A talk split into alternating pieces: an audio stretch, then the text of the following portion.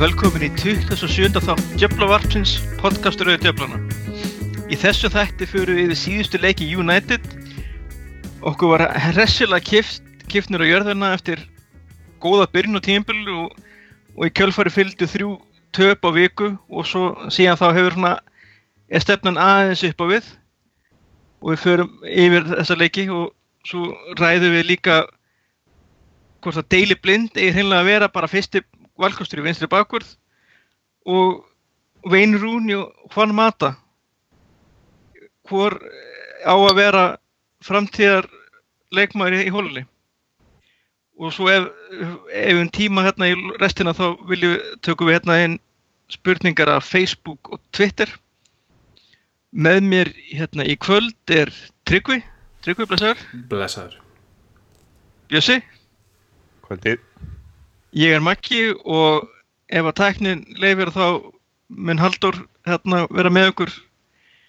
Vonbráður en hérna er þetta ekki bara málið að byrja bara á byrjuninni, City? Endilega. Hvað í óskupunum gerðist í þeim leik, Tryggvi? Það var nú bara óskup einfalt menn get ekki leitt sér að mæta á móti e, Pep Guardiola og liðinum hans bara á einhverjum e, hálfum krafti eins og var eiginlega allan fyrirháleikin menn voru bara ekki mættir til leiks alveg frá fyrstu myndu og sitt í menn spiluðu frábælan fótbolta og bara völdu yfir okkur, við komumst ekki nálega þeim.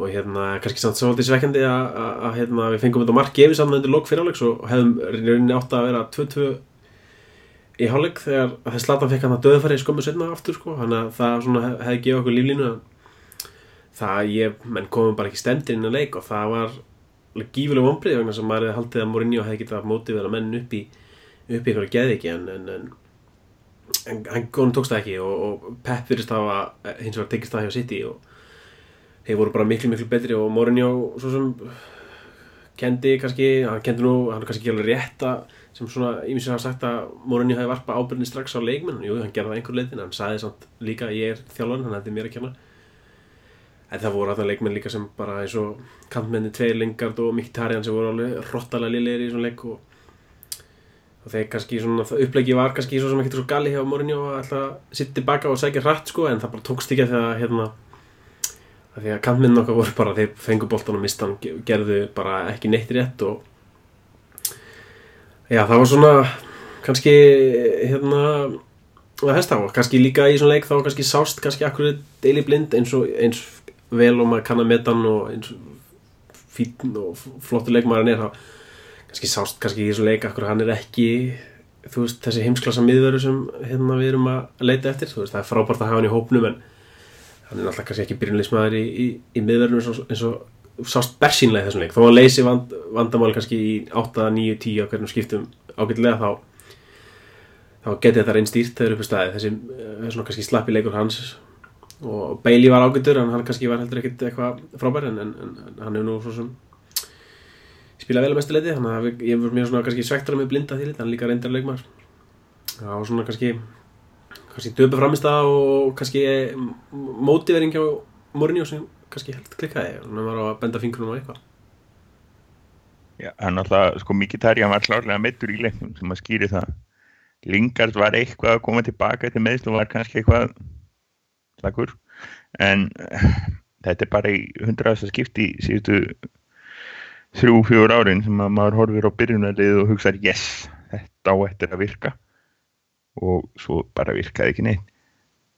Við hefðum getað stólið í aðtefli með smá hefni, sko, við hefði geta verið hægt að dæma viti og hefði verið hægt að reka, reka braf út af sko, þannig séð við hefðum ekki átt að skili það er það væri það hefði verið hálfgerðu þjófnaður en þetta sýnir svolítið að sko þó að ég hefði byrjað alveg eins og einbreið þá eru þeir svona það er alveg eh, von til þess að þeir séu ekki, ekki galla lausir og til dæmis í leiknum í gær gegn svona síð þá þá var þrjú eitt frekar gegn gangi leiksins og hérna við þannig að hérna það er spurning þeir hafa bætt við sér tíu stigum með sömur leiki fyrra þetta er orðið svolítið einsæl mæli hverðið maður horfa á sömur leiki í fyrra og hvað, hvað liðin er að gera betur.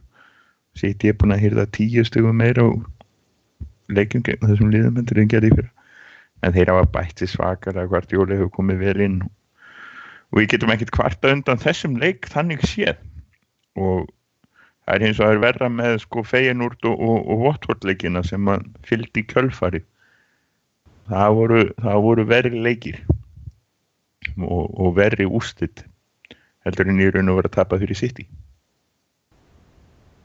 Nei, það er mitt það er mikið rétt. Að svona það er það er aldrei heimsendir í rauninu þó að tapir einum og einu leikaski á móti þessum liðum. En það er anskoti dýrt þegar það eru le- leik, leik eins og Watford sem er að taka þrjú stig. En hann en e, það er svolítið það sem að Watford nei, og Watford leikurinn og Feyenoord leikurinn þá undan hafa samilegt með City það er náttúrulega er að liði byrja bara ekki í fyrirhagleik hérna, af hverju held, heldur það að liða hafi átt svona erfitt með að mótivera sig fyrir þessa leiki Bjössi? ef ef ég vissi það þá var ég sko framkvæmta stjóri nei ég held sko, sitt í þá er þetta klárlega máli með það að við vorum með tvo farþega uh, fæinúr leikurinn þá held ég að það hafi verið bara þetta að það voru teknir sénsar sko með liðsauðstillinguna eða sem þetta ekki sénsar, það var bara breytt svolítið til. Þó ekki dægilega mikið. Og það virkaði ekki, svo uppstilling virkaði ekki. Rojo og Darmi hann Guðmenn Almáttur ekki gera mér það að spila með þessa tvo í bakverði. Kannski annan í, í, í sko hallari en ekki báða gegn Votvort þá sá ég nú ekki þann leik nú vel en ég hérna sá lítið á honum þannig að ég get ekki dæmt um það það verður eh, einhver annar að að tjá sig um það Tryggvi Já, ég hef nú verið að pæla í þessu mér uh, Watford leikurinn var þú veist United hérna uh, uh, uh, veitu, hvernig var það? komst þeir ekki yfir að við jöfnum flutlega, var ekki svo leiðis, er ekki rétt með mér? Jú, þeir hérna, það kemur hérna Já, og eftir það undir stýrið- fyrsta mark. Já, eftir, eftir að við jöfnum þá stýrum við í rauninni leiknum og þú veist, þetta var bara spurningum að pota eins og eina marki og þá hafði þessi leikur unnist sko, en svona erum við oft fórt að að pota inn því marki og það er kannski svona frekar óhefni frekar en eitthvað eitthvað svona hróttalega döpur framist að þú veist, þannig sé sko. Eða kannski, mér finnst kannski svona trendið í þessu vera kannski úti af alla framist að United undanfærin ár. Ég kannski að það sé stærri faktor í þessu frekar en að og kannski fænur leikunum spilast inn í það frekar en hérna einhver svona döpur þú veist eitthvað Mourinho eitthvað hvað hann er orðin eitthvað dabur sko hérna eins og, hefur verið rætt um í fjölmjölum það er alltaf verið að fylla, skrifa okkur greina hvort að Mourinho sem búin að missa e, e, ég menna eins og síðast tímbili bara í deildinu þá töpum við átta leikjum og gerum fjögur í áttefli á, á, á útivelli en heimavelli erum við að vinna þú veist, tóluleiki og töpum bara tveim. Við erum auðvitað er eðlilegt að, að liði sér betra á heimavelli en, en þetta er svolítið mikil munur og mér finnst það að haldið áfram á, á þessu tímbili ég er svo sem vissum það ef við skoðum síðustu tvö tímbil aftur þá uh, segir að Sif og Söga við verið dabrir á útivelli og fínir á heimavelli og kannski sér maður það líka bara kannski talar það inn í þetta með lesterleikin núna síðustelgi sem var frábá framistæð en aftur eru við komin á heimavell og þá er hérna svona hafa með frelsið og þórið til þess að gera það sem vilja á meðan útivelli meðan menn svona svolítið hrættir að það er uh, kannski uh, alveg það. Ég, frekar hann að ég sem þetta sá ekki fænarleikin ég ætla svo sem að dæma mikið um hann. Uh, en mér finnst þetta kannski vera svona meira einhver svona útivalla, útivalla funk í, í liðinu sem kannski þarf eitthvað að vinna í frekar svona, svona sem svona stort vandamál. Ég veit svo, ég hef svo ekki hugmyndu hvernig þetta vinna því en það er svo mikið mitt hlutverk en ég get að benda á þetta sem vandamál. Já, náttúrulega talandi með mittum fæinútleikin hér er ykkur vangallegasta framistöða United bara í langan tíma? Það var bara, það var ekkert bein ekkert að gerast og engi vissi neitt. Það var náttúrulega eh, þessar breytingar náttúrulega urðu til þess að það var náttúrulega menn voru að voru að spila saman sem voru ekki mikið búinir að spila saman og svo náttúrulega skoraði fænum bara kól og ólulegt mark. Já, þetta er alltaf, þetta er góð punktur. Allir bullandar ástæðan þetta er góð punktur með þetta Van Gaal framistöðu, ég menna þú veist, þetta tekur eitthvað tíma að svona vinna aðeins út úr því sem hann var að gera, ég menna, þú veist, þeir eru búin að vera núna í tvö ár bara í að fylgja hans hérna, aðferðafræði og þú veist þetta er það ekkert uh, það hverfur ekkert bara 1, 2 og 3 ég meina, menn kannski benda sem móti að Pep sé hérna búin að hérna að Pepsi er búin að vinna sína menn miklu fyrir á sitt band sko en ég meina þeir samt voru með Pellegrini sem var nú kannski ekkit eitthvað það var nú fyrir eitthvað sóknar sinnar og var nú kannski ekki með eitthvað svona mjög stíft prógram eða stífa leikspeki eins og, ég var langt síðan þetta orð síðan hérna eins og Van Gaal, hann var kannski miklu auðvitað fyrir Pep að stíga inn í það heldur en Mourinho að stíga inn í, inn í hérna uh, Van Gaal dæmi, þannig að það er kannski verna, uh, kannski eitt hlutir á þessu. Svona mennur aðeins að vinna út úr þessu hérna hliðar saman hliðarsbolta hans Van Gaal Mourinho er reynda búin að segja það sjálfur sko. hann er búin að lýsa í hann sé bara ég er öðruvísi þjálfari og þeir þurfa að venjast í. Þá er bara spurningin, var leikurinn í gær leikurinn þar sem þeir vöndust í? Þess að leikurinn í gær er, er hérna við tölum um skemmtlegri hluti hann er allt öðruvísi heldur en hinn í leikinu það er, það er í fyrsta skipti sem við hlaupum meira heldur en aðstæðingur og hérna fyrsta skipti sem að eða það reyndar var Veinrúni ekki með á móti feinúrt en þannig var Veinrúni ekki með á Trafford í alvöruleik og menn nýttu sér það og í fyrsta skipti. Menn voru að rifja upp munið því hafið því séð þrjú mörg úr, úr hornum með United Í sama leiknum Mjög ekki sjaldan sko. Sko það var statistikun daginn sem að ég hjó eftir. Það hvað er að skora úr einu að hverjum cirka 90 honum og ég er búin að hugsa mikið um það en þess að við sjáum allir mörgur honum þannig að við erum kannski að fá sko árskantinn þannig og hérna og það má náttúrulega skrifast á verðinu hjá lestir en samt á spilamennskan í gæðir var allt öðruvísi að hún hefur verið.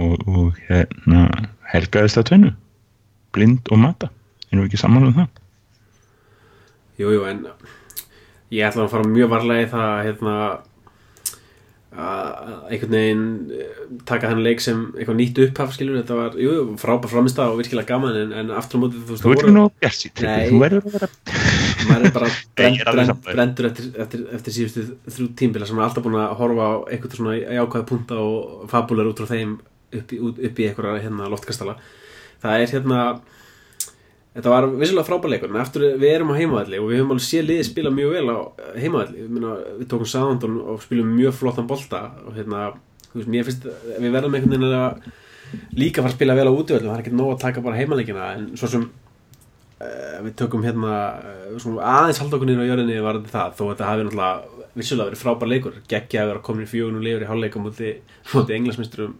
Lester og bara spilamennskan var frábær og jú blind hérna og mata en ég minna maður var vorkinir veinir unni að hérna svo, svo mikið búið að tala um að nú verði að hérna að sleppa honum úr liðinu og þá loksis smellir svona allt saman en þetta er bara þetta er hálf fyndið sko en, en hérna það er ta- þú talar um- eins og leikmennin hafa bara ákveðið nú sko ok, nú sínum honum hvers virði hann er. Já, og sko líka kannski kom með svona svakalega ákveðni í þessum leikun það er búið að vera svona neikvæð hérna, umræðum United núna undanfann dag þannig að ég vissum að Mourinho hefur náða að nýta sér það útrúlega vel þannig að menn koma alveg eins og öskrandi ljón í hérna leik.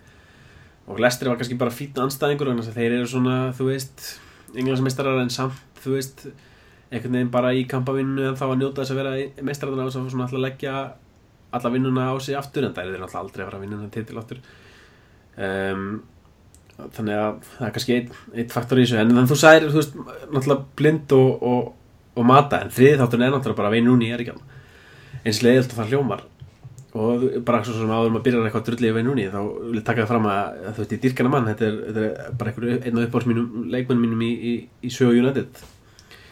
Bara verið frá bara svo þessu er heinu sko. Ég, er, er, er deadly biased ég hérna viðkennaði hér og nú að svo hremið sem að skaði ekki United þá er ég, ég afskaplega gladur ef hann slæri ekki marka með Bobby Charlton. Það er bara, það er bara þannig það er, ég, við erum, erum knæspun á menn við, við höfum ákveðna hluti þar sem við erum hreinlega ekki rassjónal og ég er ekki alfæri rassjónal hvað þetta varðar. Og hérna það sem sló mig ég, við hérna vorum að skoða grein sem hérna bara dætti inn á netið áðan. Og við dreifum örgulega með þessu podcast eða eitthvað. Var verið að rýna leikin uh, á VF Sky. Og hérna það var, það var sko snertingakort af Juan Mata. Og það var vallar punktur á hann, hann, hann köfverði meira eða minna allan vallarhemming lestir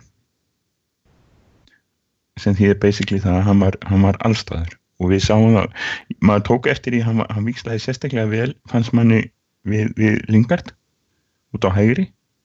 En svo kom hann líka heilmikið út á vinstri sem að maður einhvern veginn, ég, ég persónulega tók ekki alveg nú vel eftir. Og náttúrulega sérstaklega í, í þegar hann, hann upp markið á Rashford. En þetta er bara, þetta er bara kort sem við höfum ekki séð hjá Vein Rúni og myndum ekki, munum ekki sjá hjá Vein Rúni í neinum leik. Það er bara basic. Og ástæðan er ósköp einföld og hérna hann hérna Daniel Taylor skrifaði skrifaði um þetta um síðust helgi að- og benti á að undanfærin 12 tímbil hefur hann alltaf spilað 42, meira en 42 leiki á hverjins tímbil og hann hefur aldrei mist úr meir en svona, sko ef hann hefur ef hann hefur mist úr nokkra leiki þá er það því hann er búin að leika alla leikina þangað til. Já, einmitt, og hann, hann er bara hann er bara út brunnin hann er bara búinn líkamlega og þú veist, maður sér alveg að reykir hann ennþá? eh, alveg pottet og hérna hugurinn er alveg til staðar hann er alveg að reyna kannski réttu hlutina. Hann, hann er bara ekki með þessa yfirferð og hann er allt og hægur og fyrirsjálegur hann hefur heldur ekki líkansbygginguna Nei, hann, hann hefur þessa sko líkansbyggingu sem hefur komið áfram. Hann er kuggur. Hann er rosalegur sko kraftur í honum. Þéttur, þungt í honum bundið. Og alltaf, alltaf, alltaf gefið allt í þetta skilur og, að áfram. og við höfum sko það versta við þetta ég væri jável til sko ef hann væri næstu, vegna þess að við horfum á þannig hann byrjaði að spila sem sagt basically 16 ára. Hann hefur spilað full time síðan þá. Meira að segja sko Ryan Giggs er svo eini sem er sambærður hjá okkur Paul Scholes og þessi, þeir byrjaði ekki fyrir upp úr 20 Nei, og sko Og Veinu vera- þú getur líka bókað með Veinu Rúni hann var alltaf að spila uppfyrir sig með mörgum flokkum hann á yngur já, já, algjörlega ég meina, þú byrjar ekki 16 ára með Everton þú varst að spila í sko, varst að spila í 16 ára liðinu daginn áður. Þannig að hann er búin að vera á fullu pluss þessi líkansbygging og eitt, það versta við þetta er það að við vitum það að hann er ekki típan sem get, við getum haft kaldan á bekknum og komið inn af og til. Þannig að við séum það alltaf það er alltaf þannig þegar hann kemur tilbaka úr layoff úr sko tvekja, þryggja, fjóra líka hliði tannungum sem að fyrir með hann verið meittur sem hefur verið hann er alveg, alveg tvo þrjá lengi að koma sér í gang. Og ef það ætlar að vera einhver impact varamaður þá hefur ekki tíma í svo leiðis þannig að það er bara stór spurning hvað hann ætlar að gera með sig og, og, og er Prúmi sko Rún, ég meina ef að Vein Rúni afsannar þetta til í mér og slæðmarkametti gerur okkur að, setur okkur í annarsæti hjálpar okkur verður frábær. Ég skal bara gladur klappa fyrir honum. En er þetta lítur svona út núna Einmitt, og vandamáli er líka hann er svo óagaður hann inn á vellinum. Hann er á að spila í þessu hólu en hann er einhvern veginn út um allt eh, eins og hauslis hæna skilur allt í hennu komin djúpur að pikka upp boltan úr vörninni svo er hann allt í hennu einhvern veginn komin á miðjuna það sem Pogba á að vera og svo er hann líka það sem Slatan ætla sér að vera. Hann er einhvern veginn alltaf bara fyrir án þess að gera nokkuð skapaðan hlut og, og þegar hann ætla sér að dreifa boltan út á kantinn þá gera hann svo hægt og róla og svo fyrir sjálfnætt allt. Og hérna veist, hann er einhvern veginn alltaf, hann er bæði þegar hann er inn á vellinum, því að hann vill vera hann á miðjunni að sækja boltan og vera í aksjónu þá er hann einhvern veginn bæði fyrir Pogba sem á að vera svona út um allt að gera það sem hún sýnist og, og Slatan sem vill koma djúpur en með, með, Mata eftir með svona miklu meiri reyfanleika hann fram á við hann Mata er ekkert að vesnast í því að peka boltan frá vörninni, hann er bara hann frammi sko. og með Rúni er bara svona, já ég, ég gerir bara svona það sem ég sýnist, hann er svo rosalega svona óagaður sko. Það er náttúrulega bara stóra vandamlega það kannski kristallast bara í veist, orðum Sam Allardyce landsleira á England þess að ég hef ekki hugmynd um hvað er besta staðan á svo einunni þú veist, hann, hann er stórt vandamál því miður, bæði fyrir England sem okkur er svo drullu samum og svo Manchester United sem okkur er svo sannarlega ekki drullu samum það var einmitt máli með leik að það var hérna, það sem Mata gerði einna best í leiknum var að vera einmitt reymanlegur að búa til pláss frekar heldur en að vera einmitt fyrir öllum eins og Rúni hefur uh, svo mikið verið að gera. Já. en ég held samt að Rúni hafi líka tapað á því að sko það voru einhvern veginn uh, svo mörg púsluspil sem duttu saman í þessum leik. Það var ekki bara það að van- vantaði Rúni en þótt að hafi skiptið þetta miklu máli heldur líka það að herr er að koma hann inn og spilaði fanta vel í, í þessari djúpustuðu blind var komin í, í vinstri bakverðin Rashford var komin í staðin fyrir Martial og, og Lingard gætt komið inn sem svona einmitt líka eh, vann mjög vel fyrir liðið og bjóð til, hjálpaði til að búa til pláss fyrir þessa gauðra eins og Mata og, og hérna, Zlatan og, og Pogba. Og hann að, þetta er svona eh, sum púsluspilin hálfpartin duttu þarna fyrir slistni en, en önnur ekki svo mikið en, en þetta var svona hjálpaðist allt til til þess að leikuleysins var svona margfald betri og margfald skemmtilega heldur en, heldur en hefur verið. Einmitt, og allt þetta gerir að verkum að, að- að liðið einhvern veginn getur svona þú veist, spilað á styrklum hvers og eins einhvern veginn farið upp eh, hérna hægra megin og það er svona eitthvað að gerast og farið upp vinstra megin og það er eitthvað að gerast. En með Rúnir á vellinum þá sogar hann allt aksjoni til sín einhvern veginn inn á miðin á vellinum. Nema hann er ekki lengur það góður að hann geti svo komið með killer sendinguna eða þú veist, tekið mann á og þú veist, hann er einhvern veginn svo allt sem hann gerir er svo hægt en af því þegar hann er ná þá verður hann að vera í, í öllu. Hann er bara því miður ræður bara ekki við það lengur bara því miður. Svo annað líka að þeir leikmenn sem voru inn á í dag, þessi sem við erum búin að tala um eins og mata sérstaklega og blind, að, alveg þessi tveir bara umfram allt, að þeir eru bara margfalt klárari knaspindumenn heldur en Wayne Rooney. Og, og þú veist, þú sér það bara á í rauninni ákvarðana tökunum þeirra og það sem þeir eru að vinna með bæði með og án bolta, eins og, eins og til dæmis markið hans Rashford er bara klárt dæmi um að hefur séð Rooney gera þetta eitthvað. Nei, mitt. og líka, Hvorugt sko. ásta- líka ásta- ástæðan fyrir- Matan ég að svort nú við líka ástæðan fyrir því að að blind og mata eru á þessu topp leveli er bara því þeir eru svo klárið þeir eru ekki, þeir eru, litlir þeir eru ekki, ekki snöggir en þeir eru bara svo ótrúlega útsjónasamir og klárir inn á vellinum þess að það er svo indislegt að fíkjast með blind þegar hann mætir einhverjum svona ótrúlega hröðu leikmanni eða risastóra sendir og hann einhvern veginn nær eiginlega alltaf að vinna boltana eða með að eða svona koma hættunni frá bara með því að vera er- ég nema hann að að horfa á hjá það. ég nættu Ne já, nema þá, nema þá hann er, hann er svona eins og tarpmaður sem er sko svona tveim, þremur leikjum alltaf á undan sko. En það er eitt í þessu sko, af því að þú ert að segja þetta að þú telur upp og það er hægt að telja upp næstum all liðið í þessum leik og þá, er þá hlýtur mann að spyrja sig, var ekki bara lestir að leifa Jónætt þetta var svona góður? Vegna þess að það er eitt sem að slæri mig.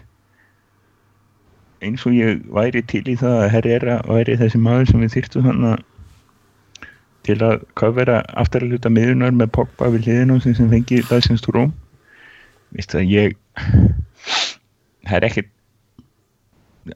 eftir á að horta á hann þó ég sé búið að hrifina á hann þannig séð að hérna ég sé þetta ekki einhvern veginn gerast í stórleikjum sko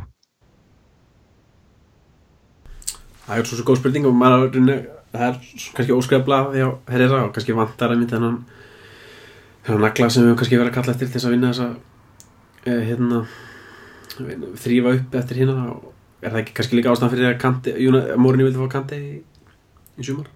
Þau- sem sá leikin Arsenal Chelsea gerð voru nú eitthvað að tala um það að Kante hefði verið hefði, hefði found out eins og við segja á ennskunni þannig að segja að menn hefði hann hefði bara verið veginn og rétt veginn fundir Ég bara og allt leik. Chelsea, allt Chelsea ég- líka Ég klart. horfði á þann leik á nú eða einhver sem að var létt veginn fyndi þá var að Gary Cahill heldur fyrst og fremst afskapla dabur og kannski henda kannti ekki vera í, með matið þarna djúpum hann var alltaf að vera einn þarna í hreinsara hlutverkinu og kannski með skýrara hlutverk þegar hann var hjá Lester. Þetta er kannski hvernig voru að tala um að drinkbóttir hefði verið að kofera fyrir Þannig að, þannig að það er náttúrulega er verið að tala núna um raun þess að það er náttúrulega það er ekki nema sko, það er ekki nema þrýr mánuður í það að glukkin opnist aftur þannig að við hljótum að vera að tala um endalaust um transfer en hérna, en það. En þetta allavega lofaði góðu þessi lestileikur og það voru, það voru fullt af náttúrulega stöfi sko, Pogba vali maður leiksins og Sky ég var á skýslu og valdi blind uh, einhverjir einhverjir völdu hérna Mata. Þetta var allt bara mjög skemmtilegt. Lingard átti flesta spretti það kemur fram í þessari grein sem ég var að tala um áðan Já, hann, mér, Og- og mér Lingard sendingarnar- frábær í svona leik. hann, hann var bara, hann vann á full. Og, og hérna Mata Slatan varu átta sendingar sem er það mesta sem hefur verið millir miðjumanns og sóknumanns í ef ég lasi þetta rétt. Já, Þannig að það, það var alltaf ge- gerast hann. Þetta er líka Var- var... sérstaklega ákvæmt fyrir lengar það kom svona sterkur inn eftir alveg mjög lélega framstöku ekki sitt það er mjög jákvæmt Já, sko, ég, ég mynd, þegar maður sá að Lingard myndi byrja á móti City þá svona allan að ég, ég hugsaði sko ef maður fatta svona nokkurn veginn hvað hann var að pæla með þeirri þeirri uppstillingu sko, hafa hann þarna og það var líklega eitthvað í, í áttina því sem hann síndi í þessum leik sko, að vera svona þessi gaur sem að sko ekki, þarf ekki endilega að vera mest með boltan en er að vinna mjög taktist fyrir liðið bæði í vörn og sókn. En hann bara náttúrulega átti slagan dag og var náttúrulega að koma beint eftir meðsli og ég held að það hafi þetta var mikil áhætt að, vera bæði með Mkhitaryan og Lingard í þeim leik en það hefur bara er að bara hvoru við verið almennilega tilbúinir en þá var einmitt mjög gott að fekk tækifæri í þessum leik til að svona aðeins að hvað segir maður að hérna sína svona aftur hvað hann gæti sko. Lingard þá.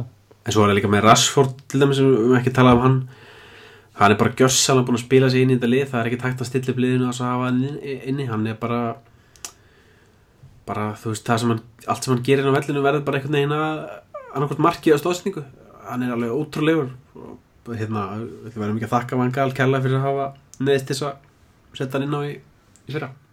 Já, þakka Vilkín fyrir að vera óhefn. hann hefði aldrei komið inn nema, sko, nema fyrir er meðsli við Vilkín. vitum það Vilkín hann, fék, hann var búinn að fá smá síðan að hann hefði aldrei hann væri ekkert að gera það sem Rashford var í dag það er það eina sem að Vilkín verður að hugsa um sko, annars annars er hann bara á leiðin í tunga depression sko. það er bara þannig hann, hann hefði aldrei tekið tækifæri svona svakalega hann, það er bara þannig Nei, ég er að segja að Rashford hefði sennilega ekki fengið tækifæri eða það væri nei, nei, nei, nei, nei, er- nei, nei, en, ég bara hugsa En þetta er rétt þér, og, og. Vilkín þegar að, að horfa á Rashford sko, þetta er eins og að vera á í kappakstri og vera á góðum bretti og svo kemur bara einhver bíl fram úr þegar þú er búin að taka, ringa þig á hann þú veist að það er lítur að vera svolítið erfitt fyrir hann Karlfreyð en, en, en hann verður að hugsa sig við það þetta, hann er bara hann er ekki Rashford Nei, og ég, ég held að mitt ég held að mitt Rashford hefði alltaf fengið sjansinn sko. það, er ekki, það var ekki Wilkín sem hefði stoppað það lengi allavega hann hefði alltaf endað á því að fá sjansinn og með að hvað maður hefur séð frá hann þá þarf hann ekki að fá nema sjans einhver staðar á einhverju tilöfni og þá er hann búin að sitja mark í fyrsta leik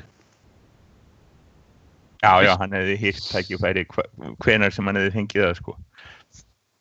Og þetta sýnir bara þau sem voru að hafa áhyggjur af því að, að Slatan væri eitthvað að fara að stoppa þróun hans. Það er náttúrulega bara ekki rétt.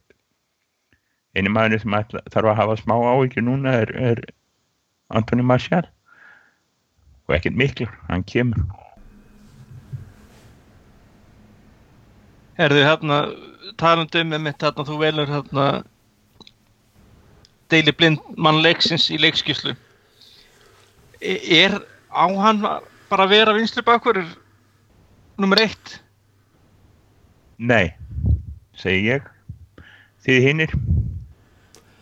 Nei, ég held ekki hann er, hann er, hann er flott option skilur, ef, það, ef þess þarf að halda en Luke Shaw er bara það öflugur leikmaður að, að, að hérna, aðhliða leikmaður varnarlega og sóknarlega og, og, og hérna ég held að nei, að Shaw er alltaf að vera þarna til frambúðar þá að sé voðalega fínt að hafa blind hérna, eins og svo mörgum stöðum á vellinum sko, það var ágætt backup. Einhver veltið upp nú kannski væri bara gott að hafa blind í hægri back hann geti alveg gert það sem hann gerir vel í vinstri bak líka í hægri bak. Það er kannski ekki svo gali og er með flottar? Svipaður Valencia sem það Valencia er að gera það svipað og blind var að, er að gera í vinstri bakverði. Og jafn, vel og jafn illa þar að segja. Er svipað að kost og galla en Já, hann er ég- ég- leikmaður ég vil- sísonið allavega það sem hann aðeir þannig að hann, hann billar áfram. Að ég myndi segja, setja sjó fyrir ofan hans sem vinstri bakkurinn, ég vil endilega hafa blind sem oftast í liðinu og sérstaklega á hotspinunum, af því að það er bara allt annað þegar hann er að taka það heldur en þegar til dæmis Rúni er að taka þetta.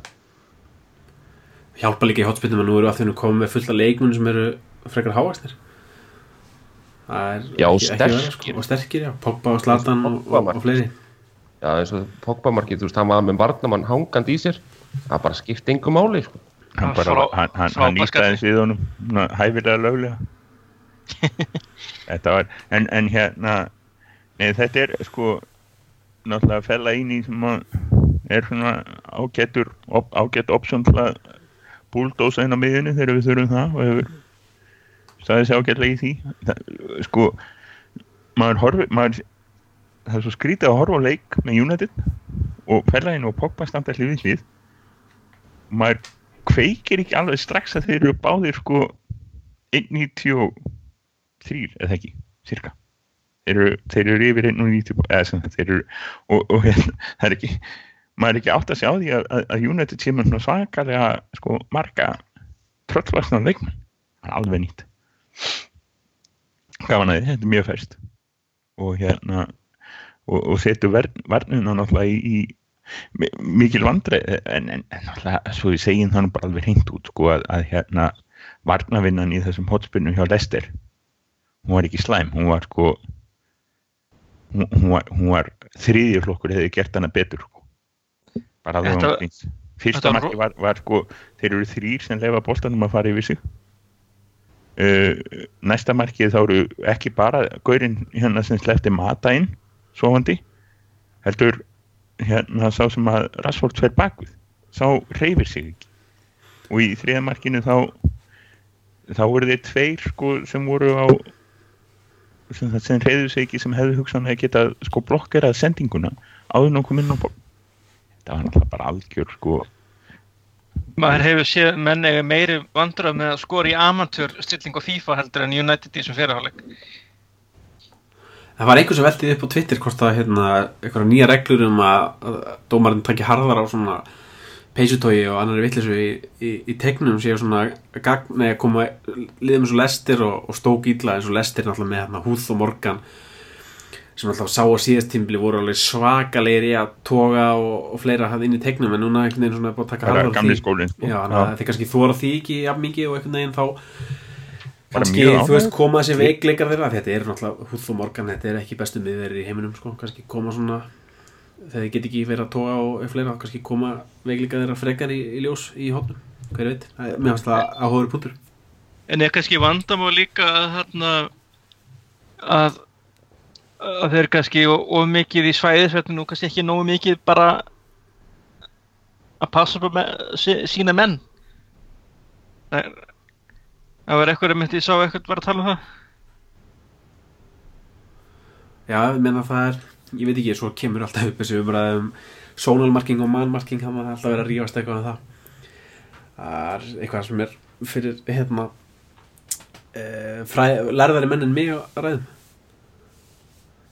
eina sem ég veit um það það voru tvö orði röð sem að hérna, menn mistu sig þegar, þegar Liverpool var að taka sónalmarking á, á United og fekk á sín mörg á síðustu sekundunum fyrir viki í bæðiskipti það var aldrei svít eftir það þá tristum maður ekki alltaf svona sæðisörninu sko.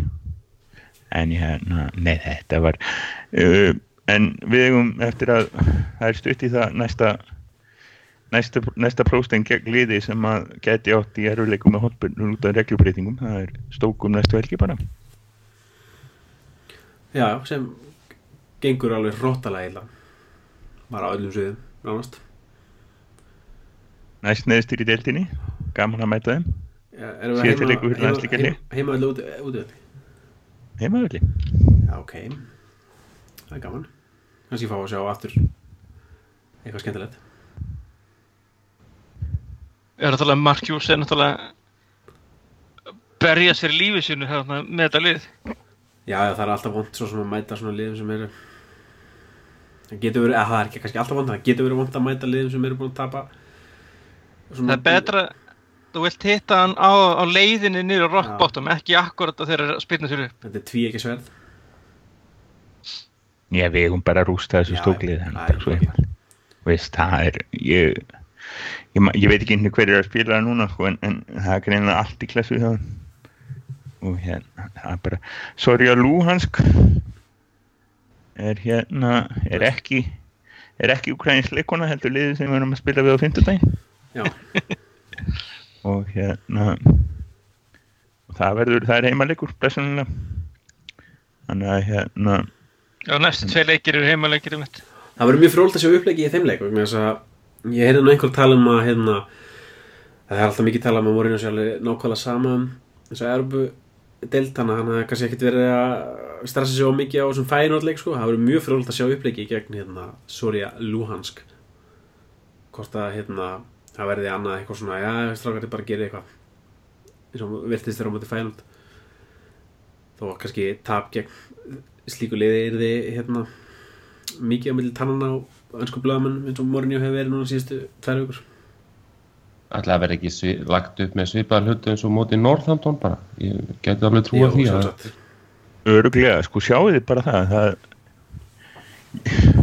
þetta er svo engin það er engin á meðslega á því þú veist, það er mjög það bara, að það er bara fáralett í rauninni með að við síðustu 2-3 Sem- tímbil sko.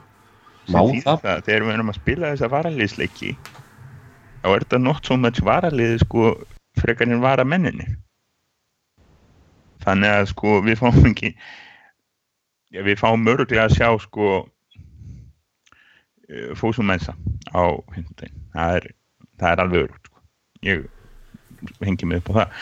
Eh, svo er spurningin sko það er ekkit, all, sko, það er ekkit allt of margir hérna. Það vantar nú við erum búin að gera raunur og sérfræðingi yngri legunum og hann uh, það er held ég uh, smá ykkur frein á leiðinni. Það vantar svolítið, það er smá hóla í auðvitaðins núna. Við erum með nokkra sem eru búin að banka á aðalið og svo er rest svo, svo er sko hóla niður í líkuð niður í 18 ára.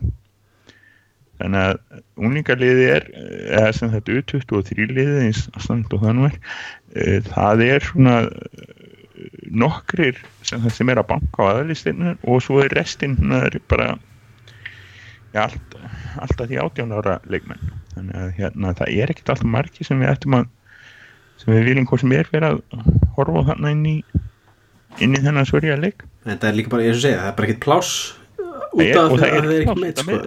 meðan það er engin meðsli þá, þá hérna þá er ekki pláss og hérna það er svona helst að Rokkos er tóknaður á heila eins og þar segir en, en hérna væri allt í lagi að hann spilaði ekki en að öðru leiti þá, þá er bara þá verður þetta leikur þar sem við getum lagt upp með ég ætlu mjög sterkar leikmann án þess að hafa alltaf miklar áhyggjur af, af stókleiknum helginu eftir akkurat, Karrik kemur inn og væri fínt að gefa Slatan smá pásu þannig að það Já. er svona helst það hvað er gaman að sjá hann hann fær pásu, Rashford fær pásu Martial kemur inn Þú vilja fá Megaterian líka ef hann er uh, orðin heill að fá hann inn í Þetta hennar verið flottur leikur fyrir hann að fá mínútur sko. Við hefum að fá flesta sem, mitt, sem mittu inn þeir eru settir á 29. þannig að það verður bara metið það bara hvort það er verið í hóp. Þetta það er Mkhitaryan Jones. Sjó, uh, ekki Jones Sjó. Það er að já, það eru Mkhitaryan, Sjó og Martial eru já, já, já Ég held- ég held að held að Mourinho hafi talað um það allavega að Megaterian og, og Sjó hafi verið sko búin að jafna sig að meðslunum en ekki verið alveg nógu svona match fit fyrir þennan leik. Þannig að þeir, þeir ætti báður að ná þeir hljóta að byrja að sorja Já. það er bara þannig.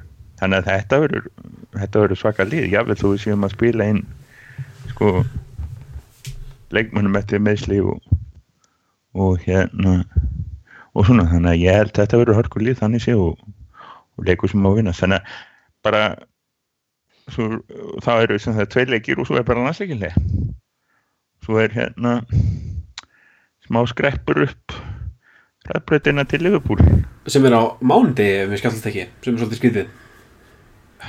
Það er, Já, það komið, komið ansið langt síðan var síðast kvöldleikur á milli þessara liða, þannig að þetta verður, þetta verður það er á mánudegi frekar en föstudegi, ég myndi ekki vilja hafa þannig lag á föstudegi, ég segi það nú alveg eins og eins og er það geti verið aðeins og skröllegt Eða setni partsleika á laugardegi, það væri nú... ég held að lauruglan leif ekki svo leiðis það er bara úr þeir segja bara nei, vistu það, ég held ekki um hann klukkan 11 og opnum pappana klukkan 12 já já, þetta er ennþá svolítið það er ennþá svolítið lífi í fótboltanum. Þetta væri leiðinlegt á þess. Þannig að hérna já, mánudagsleikur það, hérna það heiðilegur þá ekki nema fjóra daga vikunni fyrir helmingin af Íslendingum. Þannig að hérna, það verður spennandi.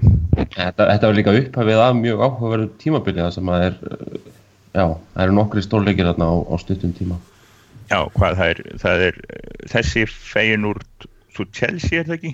Chelsea úti í deildinni og svo Manchester Hel- City heima í, í deildabílunni. Já, það er þessi rúndur þannig að hérna á þess að við séum að fara að slúta þessu þá, þá vitum við alveg hvernig við tökum næsta podcast eftir þessa eftir Já. þessa Ja, stef, planið er að taka upp fyrir Liverpool-leikin.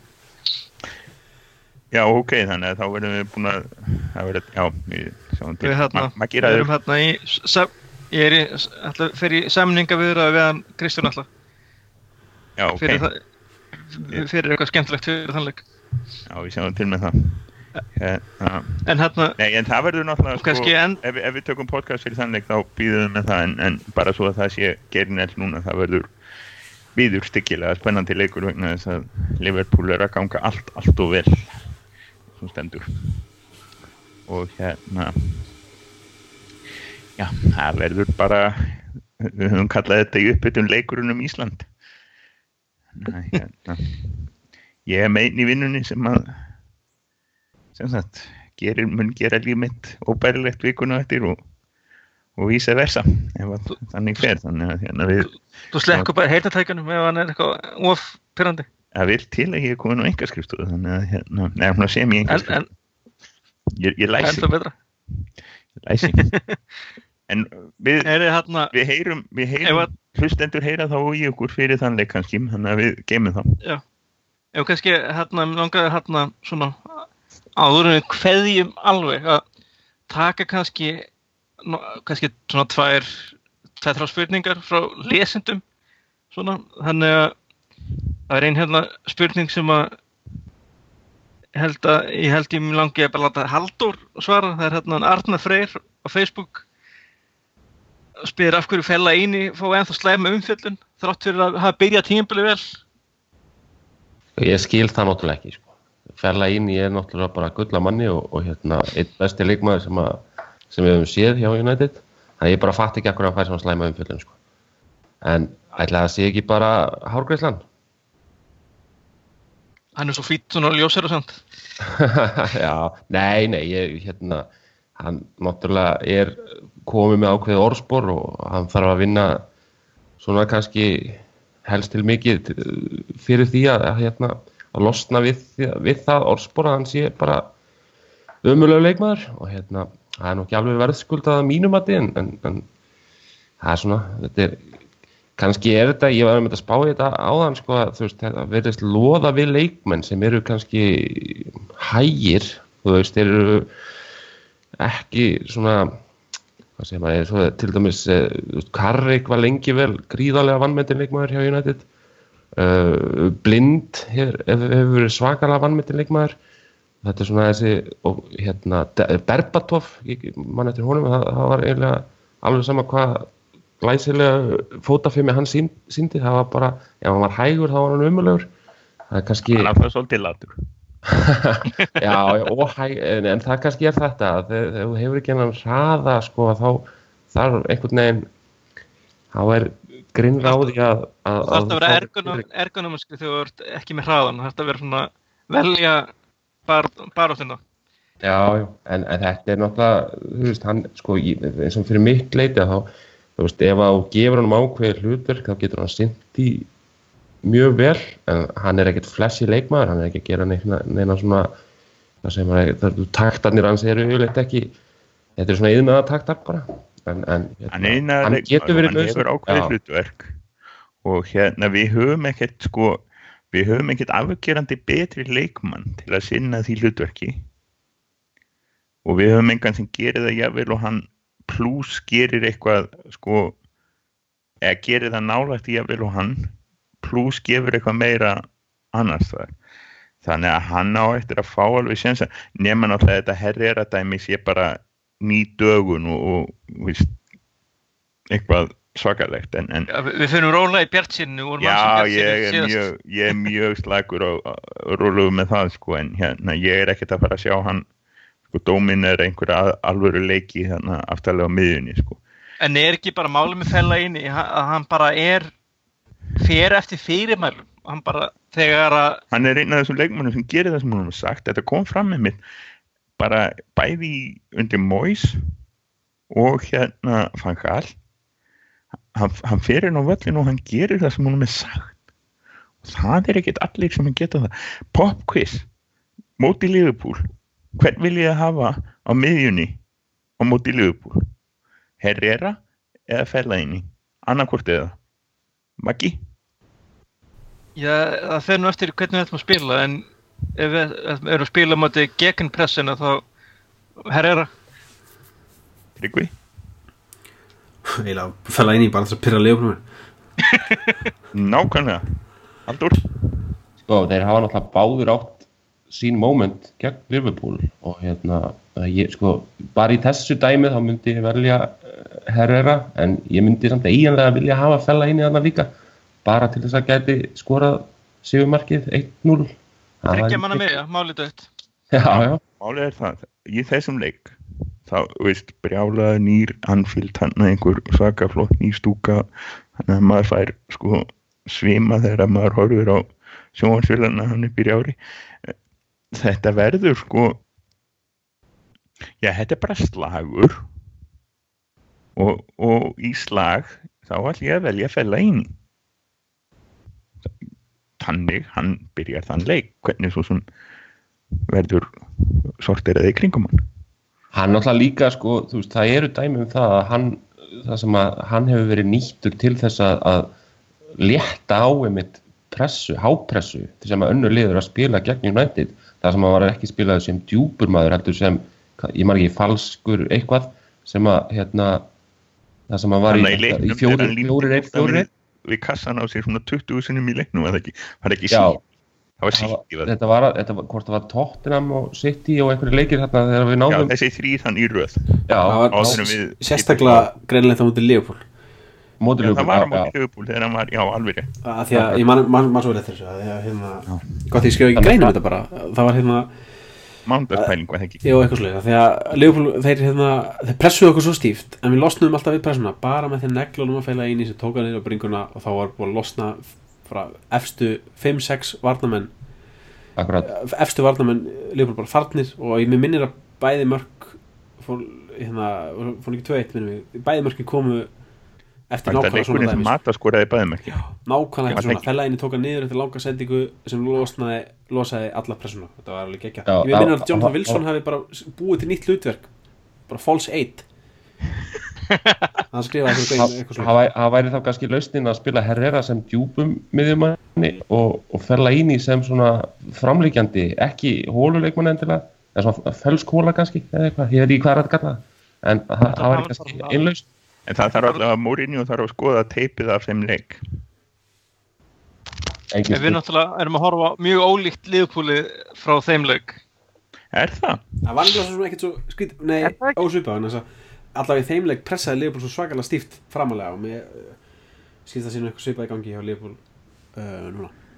Þannig að það er kannski ekkert Og svo- galið að- að að kíkja á teipið að mista fórsti Þetta er allavega ein leið til þess að losna við einmitt þess að hennar þrýsting sem að hápressan getur, getur svona hálfpartin kæft niður að þá bara, bara bombunum fram og fela eini og málið dött. Og hann heldur líka, sko, ef hann er að kontrollera boltan sem er ekkert gefið Það er að segja, sko, með fótunum Þá getur Ja, hann að halda honum aðeins Helst, helst að hann, hann er svona bestur ef hann getur bara notað hausinn og, og brjóstkassan. Það- Ef hann þarf að nota eitthvað mikið meira þá kannski er það ekki alltaf jafn gott sko. En þá kannski þarf einhverju að vera nálátt honum bara sem að það losa beint á sko.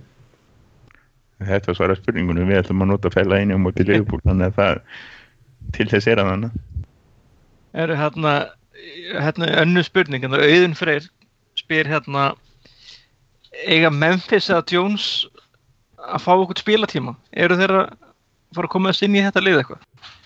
Tryggvi? Sko, Ég held að þetta hljóð sem eins lýsend og hægt er. Já, ég, ég meina ég er nú svo sem eiginlega búin að gefast upp á Phil Jones sko, því miður, en hérna var mjög spennt fyrir Memphis þegar hann kom á sín tíma og hérna það eru bullandi hæfileikar hérna einhvers þar grafnir djúft niðri og þú veist, við töpum engu á því að gefa honum að minnstakosti þessa Európa-deildarleiki og, og hérna byggarleiki, mér finnst að að, minnstakosti hann mögulega Jones en ég er bara búin að missa ég held bara að Jones sé bara það brotendur að það þýð ekki að reyna að gefa honum hérna, sjensin, hann munir bara meðast að það sé ekki hægt að treysta á hann en Memphis gefum honum þú veist þessa auka leiki sjáum hvort hann detti ekki í gang því ég vissu það ef hann, ef hann næri einhverjum einum góðum leik þá kannski lifni aðeins yfir hann aftur sko. Næ, um að Eh. gera þessa, au- þessa deildarleiki og, og hérna, nei, deildarbyggarleiki og Európa-deildarleiki um að gera, gefa honum færi Já. sjensin Er hann ekki bara svo- svolítið confidence maður? Það er kannski, hann er eitthvað bein ekki dotti fyrir hann hérna þannig að hann verðist vera svolítið brotættur þannig Já, já, mitt, og það var mikið talað um það áður kom sko, að þetta er svona leikmann sem þarf mikla ást.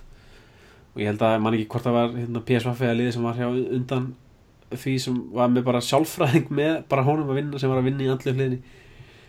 Þannig að hann er svolítið svona brotuði karakter og, og hérna en þú veist, við höfum alveg séð það að það er alveg byllandi heflingar þarna, að það er bara aðeins að, aðeins að hérna, grafa það upp áttur það er endilega, gefa honum sjensin en Jones, nei, nei þetta er búið. Ég er með sammála því með eins, eins mikið og ég var alveg til í að Jones fengi spilatíma og maður vil að spili bara ef hann meira halda sig heill að þá held ég að hann sé bara ekki fara að gera það og hérna muni bara það er spurning bara hvernig hann fer þú veist, og hvert þá, hvort hann endi hjá sendavandi eitthvað og náðu þá kannski að spila, spila þar eitthvað en, en þetta er algjör synd með, með svona leikmann eins og hann sem að hérna, fyrir lítið efni á sínum tíma og hefur einhvern veginn ekki náða að þroskast í þann leikmann sem að hann hefði getað orðið. Nei, og, og hann líka er svo þungur sko. hann er búin að kjöta sig svo mikið upp að ég held að, að ég veit ekki ég, það er orðið svo mikil áherslu á, á, á sko massan það var einmitt viðtal núna sem ég held að Runólfur ætla að taka um yngri liðin. Það var, nú er alveg stór úr mér hvað drengurinn hétt en hann eitthvað 18 ára þá stækkaði nú 5-6 í, í 6-2 sem er eitthvað sko það er, það er úr sko 1.65 í 1.86 sko. Það er einhverjir góðir 20 cm á hálf ári eða eitthvað og hérna viðtalið var sem þetta um það að það hefur verið farið vel með hann á þessum tíma mennið átt að segja á því hvað var að gera og og svo leggur hann sjálfur í þessu viðtalið svo áherslu mitt á það að hann, hann sé alltaf í rektinni og það er alltaf þetta upper body strength og allt þetta. Og þeir séu allir í þessu sko. En það skiptir svo mikið máli sko að hann hlaupa sig ekki nýður sko. Og hérna og láti ekki taka sig á styrkleikanum sko. Og hérna og það er einmitt það sem Memphis hefur gert að hann hefur bara stækkað um sko með eitthvað, einhver nokkur 5-10 kíló bara í kjöti sko. Það er kannski eitt að nú er Lingard ekkert sko hann er ekkert léttur sko en hann er miklu nettari samt. Og er ekki sko og, og það hefur ekkert háðun menn hann þessi nettu gaurar sem er að spila eins og Memphis á að vera að spila ég er ekkert alltaf viss um það að þeir eru að vera einhverjir sko einhverjir, einhver kjötfjöld sko. mér finnst, mér finnst þetta ó, ó, hafa verið röng ákvörðu Ekki nema hann sé þá mögulega að bara reyna að umbreyta sér sem leikmanni að sé bara, þú veist, að stefni þá á nýtt hlutverk, hann sé þá ekkert kantmælingur, heldur bara kannski mjög sterkur framherji eða eitthvað sem að nýtir þá styrkleikan þar, en hann hefur ekkert fengið mörg tækifæri í þeirri stuðu með United, þannig að maður veit ekkert hvort að það sé eitthvað sérstak pæling eða hvort hann sé yfir höfuð eitthvað sérstaklega mikið að pæla með, með, með þetta nema bara að vilja vera sterkari sko. það er rosalega gaman sko að þú veist að fara í gimmið og, og bæta á sig einhvernum 20 kílóa, skilt mér. Þú bara það veist- því að borða eitthvað heima þér sko? Já, líka, líka það að Ég er ekki að fá að spila. Hitt sem um 20 kíló, ég kannast við hitt en hérna, en nei. líka ef hann er ekki að fá að spila þá kannski er þetta þú veist, útrásin sem hann fær í staðin að, þú veist, hann er ekki að fá útrás fyrir eitthvað á vellinum og þá, þá fer hann bara á liftir og fær útrás þar sko. eitthvað sem líði á manager ef, ef að eins og þessi unglingur var að tala um. Að þeir þannig átjónarliðinu væru allir í einhverju upper body strength og einhverjum einhverjum sko liftingum og látum að gimmið væri það skemmtilegast sem þeir gerðu Já, við sjáum náttúrulega bara svona gauðra eins og, eins og Fósú Mensa sem að, hérna, og hennan, uh, hvað heitir hann, hennan Rósson Williams og eitthvað sem að, þeir líta allir út fyrir að vera tölvöld eldri, þeir eru bara algjör nöyt, sko. þú að seppi líka sko Þannig Já, að- kannski, við- já, já. og hérna ég veit ekki, en þetta, þetta hlýtur að vera eitthvað sem líðið sko, þeir eru með nógu mikið af, af þjálfurum og kondísjörunum til, að- til að vera með svonundu kontról sko. en ég er samanlega tryggva Memphis fær sénsana en Phil Jones hann er búinn Er hérna, mér langar að enda hérna á einni svona, bara svona lettri spurningu. Það er hérna Pétur Orri spyr hver af leikmöður United er líklegast til að fara í kirkju um helgar? Byrjum á þeir þeir eru nú nokkri þannig sem eru er í, er í að krossa sig og, og hérna svona, það er ekki ég, ég reyna að taka ekki eftir í ég, hérna, hvernig er það ég er sko fella inn í fella inn í að muslim eða ekki, jú. Þannig að ég hugsa að hann fær í Moskú á höstutugum ég bý svona við því frekar. En hérna uh, já þeir Memphis held ég að sé. Já, e, nú ég veit svarið, fyrirgjöðu, ég ekki, láta eins og ég veit það ekki, það er Timothy Fossum Messa. Hann er, hann er svo trúaðist eða hann í hún. En er, en er ekki, núna þessa dagan er ekki Vein Rúning Jú, hann, að reyna að byggja um einhver, einhver aðri máttu völdum aðstof? já, en, en Timothy Fossum Messa, hann, hann, hann treystir águðsinn til, til þessa. Já, ég myndi líka tala, tala um svona kannski Suður-Ameríku leikmennina, Róhó, Valencia kannski, getur líklegir til þess líka. Herru, svo er hérna önnur spurning hérna sem er kannski flottur endapunktur. Haldið það verði okkur um að því að Old Trafford verði 100 manna leikongur? Tryggvi?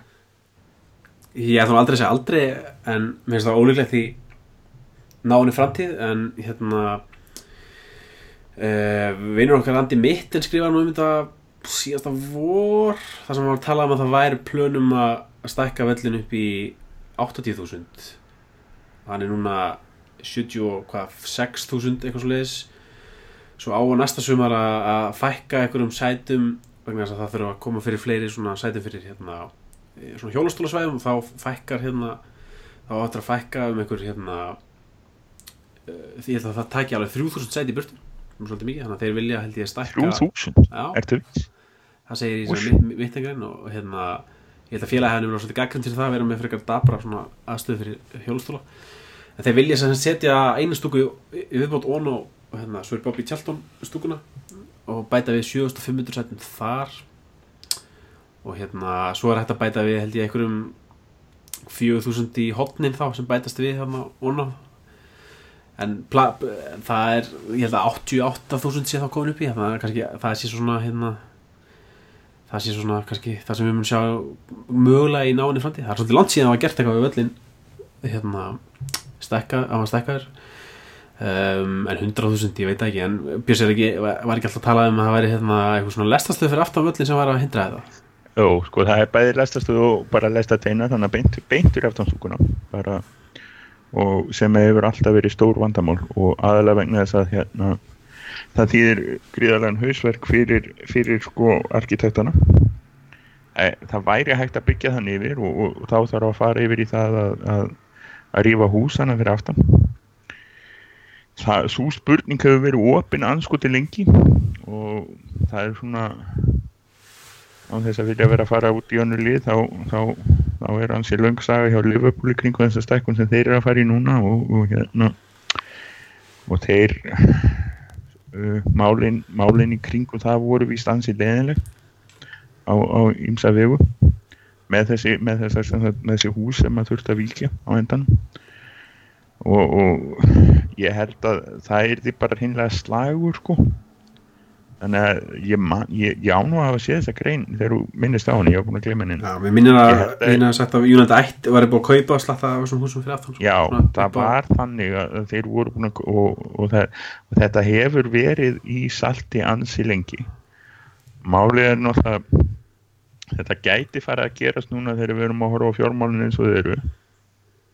Og hérna eins og þú segir þá, þá getum við fara að sjá kannski 80.000 það fer eftir í hvað þeir gera mikið við stúkuna sko. hvort þeir ákveðar hérna að taka hann í nefið. Já, og hérna það er nú bara staðnind að allur Old Trafford er uh, gríðarlega leiðinlega þröngur sætarlega séð. Að vita allir sem hafa farið á Old Trafford að, að það er ekki ég er, ég er ekki yfir 1.80 og ég vildi helst ekki vera yfir 1.80 svona hnjána vegna til hver svo sem er á vellinum. Og hérna þannig að ég veit ekki ef þeir taka stúkunni í nefið þá getur enda á því að það bættist ekkit alltaf mörg sæti. Við þau verðu kannski aðeins meiri aðeins þægilegri, engin lúksus og þetta er bara stór vandamál held ég að, að þetta er eini möguleikin almennlegi möguleikin til að stækka völlin og, og þetta mun miklu frekar á ég held að eigandunir bara sáttir við stöðun eins og hún er dag á, á hérna fjölda það er eh, ekki óbúslegt oframbúð á ársmiðum. Einn og ná að selja það það er ekkert mikið meir en það. Og hérna ég tala nú ekki um sko ef við verðum meistarar og Európa-meistarar fimm ári röð sko þá, þá er þetta gert. Þá, þá kemur það. En Annars ekki. nei ekki. Ég, ég sé þetta ekki sko.